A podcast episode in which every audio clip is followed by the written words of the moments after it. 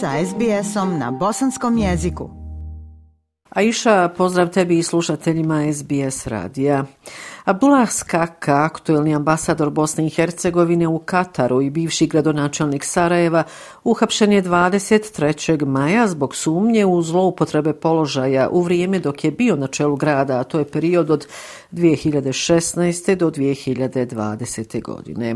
Skaku su uhapsili pripadnici Ministarstva unutrašnjih poslova kantona Sarajevo prema nalogu tužiteljstva kantona Sarajevo. Riječ je o akciji Vizionar u kojoj je privedeno više osoba. Akcija Vizionar se e, provodi zbog sumnje u počinjenje više krivičnih dijela, između ostalog zloupotreba položaja, nesavjestan rad u službi, krivotvorenje službene isprave, davanje dara i drugih oblika koristi. Inače, Abdullahu Skaki je određen jednomjesečni pritvor. U međuvremenu, član predsjedništva Bosne i Hercegovine, Denis Bečirović, pokrenuo je aktivnosti u vezi sa razrješenjem ambasadora Bosne i Hercegovine u državi Katar Abdullaha Skake. Aisha, a uhapšeni i pritvoreni Senaid Memić e, zvanično je smijenjen sa pozicije ambasadora u Maleziji. Na ime predsjedništvo Bosne i Hercegovine je tokom protekle sedmice na vanrednoj sjednici prihvatilo prijedlog člana predsjedništva Denisa Bečirovića da se uhapšeni Memić, koji se trenutno nalazi u pritvoru u Zenici, razriješi dužnosti. Na njegovo mjesto je imenovan novi ambasador, a to je Edin Jahić. Evo, Aisha, još malo o sudskim presudama. Naime, 26. maja bivši direktor uprave za indirektno oporezivanje Bosne i Hercegovine Kemal Čaušević osuđen je na pet i po godina zbog primanja dara što on i dalje negira. Oslobođen je jedne tačke optužnice koja se odnosi na pranje novca. Nakon izrečene presude u sudu Bosne i Hercegovine, Kemal Čaušević se obratio novinarima i nekako je svo drvlje i kamenje bacio e, na e, tužitelje Dubravka Čamparu i Olega Čavku. Citirat ću njegovo obraćanje novinarima Rimljanima. Prije više od deset godina je započeo ovaj proces. Neznanje je uništilo civilizacija, a pokušalo i mene. Nadam se da će tužioci Dubravko Čampara i Oleg Čavka odgovarati za zločin koji su počinili, riječi su Kemana Čauševića. Prije deset godina su slagali da sam zaradio 570.000, zanemarili su mojih 20 godina staža do tada, namjerno su zanemarili tri stana koja sam i tada imao. Nedvosmisleno je da sam ja u svom životu do 2013. godine zaradio zaradio više. Više od 3000 maraka platu sam imao i u Titino doba. Jedini u Bosni i Hercegovini sam dokazao da sam nekretnine kupio zakonito. Kazao je između ostalog Kemal Čaučević nakon izrečene presude u sudu BH. Dakle, istakao je da je nepravedno osuđen i da je zbog toga podnio apelaciju Ustavnom sudu Bosne i Hercegovine.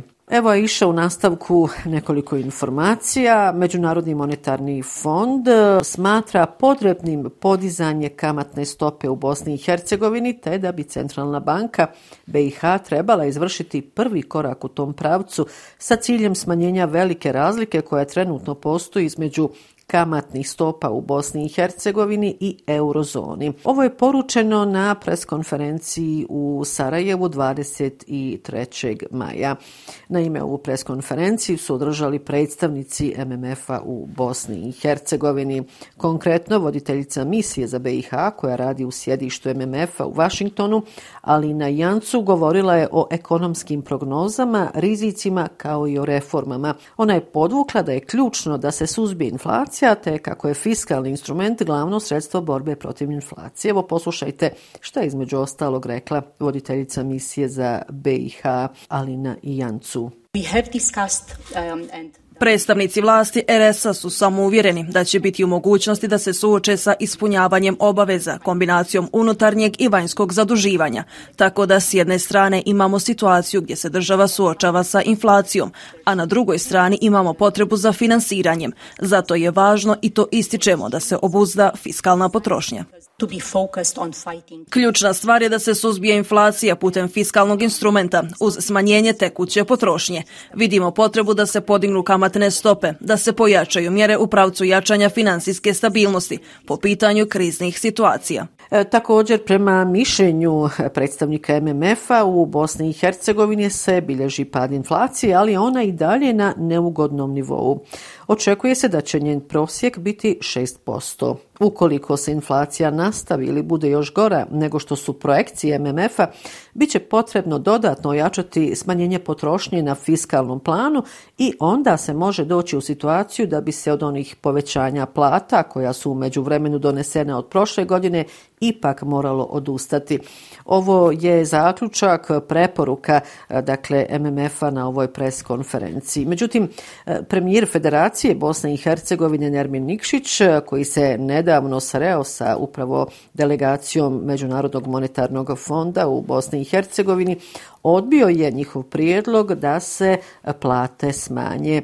E, evo poslušajte e, kako je to obrazložio premijer Federacije Bosne i Hercegovine Nermin Nikšić. Vrlo jasno sam rekao ova, tim predstavnicama da ne dolazi u obzir da se ne slažem apsolutno s time da smanjujemo plate ljudima. Dakle, ja smatram da, da, da, da trebamo učiniti sve da stvarno bolji ambijent, da, da ljudi imaju ovaj kvalitetni standard i bolje uslove života. E, nakon foruma Evropske unije, odnosno strategije za Jadransko-Jonsku regiju i godišnjeg sastanka Vijeća Jadransko-Jonske inicijative na nivou ministara vanjskih poslova, koje je 24. maja održano u Sarajevu, usvojena je Sarajevska deklaracija koja je proizvod procesa koji su se dešavali pod predsjedavanjem Bosne i Hercegovine. Evo, podsjetit ću, Bosna i Hercegovina predsjedavanje je preuzela od Republike Albanije 1. juna prošle godine i ono završava e, zaključno sa 31. majem ove godine, dakle naredne srijede. Na ovom skupu koje je održano dakle, u Sarajevu 24. maja, bosansko-hercegovački šef diplomatije Elmedin Konaković pozvao je političare da se posvete ispunjavanju prioriteta Evropske unije. Poslušajte ministra vanjskih poslova Bosne i Hercegovine Elmedina Konakovića. Ukoliko nemamo politički stabilan i siguran prostor Zapadnog Balkana, ne možemo očekivati nikakvo poboljšanje uslova života. Apelujem na sve svoje kolege političare da se što više fokusiramo na one stvarne prioritete o kojima smo danas intenzivno i konkretno govorili, a što manje na skupljanje jeftinih političkih poena. A iša evo za kraj još jedna informacija. Polaganjem vijenaca i cvijeća te odavanjem pošte na kapiju Tuzli 25. maja obilježena je 28. godišnjica masakra. Tog ratnog 25. maja 1995. godine od granate ispaljene sa položaja Vojske Republike Srpske na Ozrenu Ubijena je 71 mlada osoba u Tuzli, a više od stotinu teže ili lakše ranjeno. Članovi predsjedništva Bosne i Hercegovine, Denis Bečirović i Željko Komšić, e, nisu nakon polaganja vijenaca i odavanja pošte dali izjave medijima, a u obrazloženju je navedeno kako to neće učiniti zbog dana žalosti. E, moram reći da je dan žalosti tog 25. maja bio samo na području Federacije Bosne i Hercegovine, jer e, nije usvojeno da bude na teritoriji cijele Bosne i Hercegovine. Eto iša ovom informacijom i završavam ovo sedmično javljanje iz glavnog grada Bosne i Hercegovine. Još jednom vam lijepe pozdrave iz Sarajeva šalje Semra Duranović-Koso. Like, share, comment. Pratite SBS Bosnian na Facebooku.